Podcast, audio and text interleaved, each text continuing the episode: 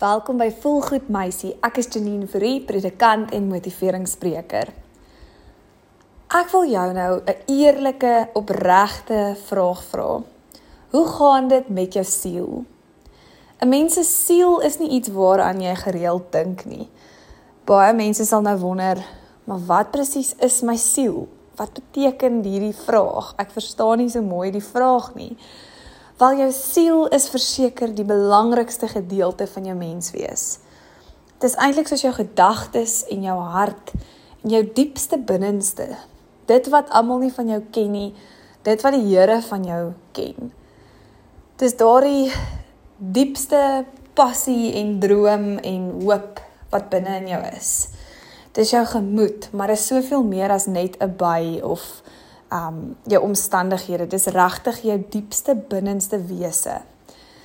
En daarom is dit so nodig om altyd uit te kom by die Skepper van jou siel en dis Jesus Christus.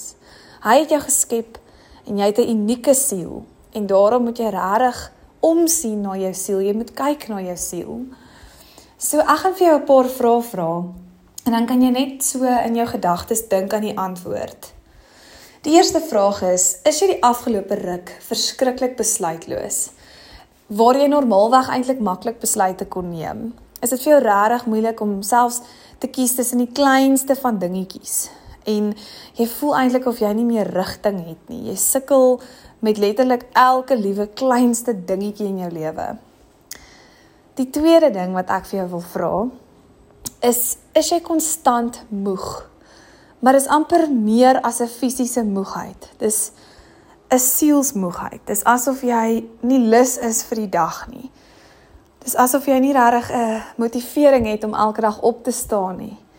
En jy's uitgebrand, jy voel uitgeput en jy het net rus nodig op een of ander manier. Jy het eintlik net 'n breek nodig.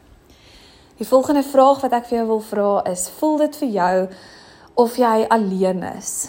En of jou naaste mense nie eintlik nou regtig betrokke is in jou lewe nie en jy's op 'n manier dalk eensaam.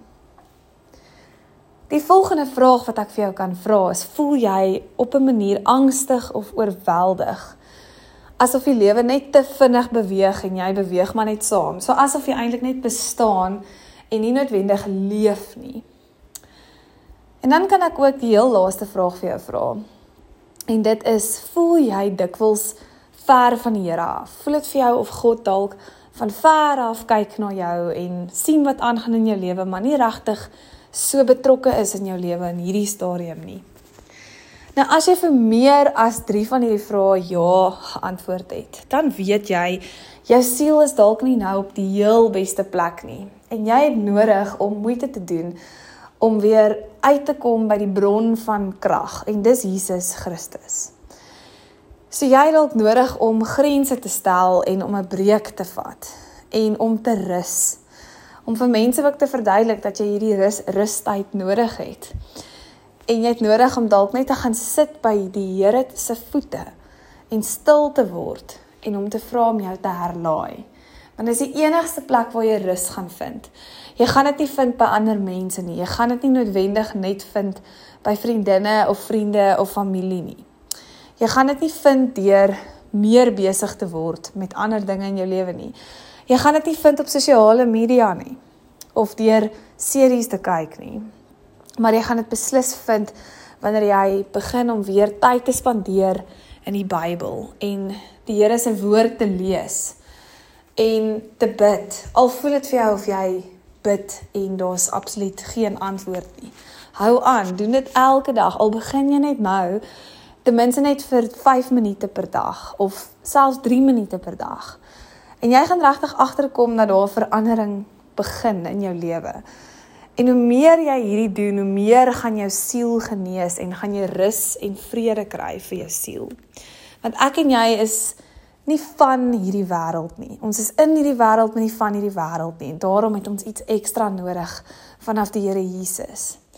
Ek hoop dit beteken iets vir jou en dat jy regtig moeite doen met die toestand van jou siel.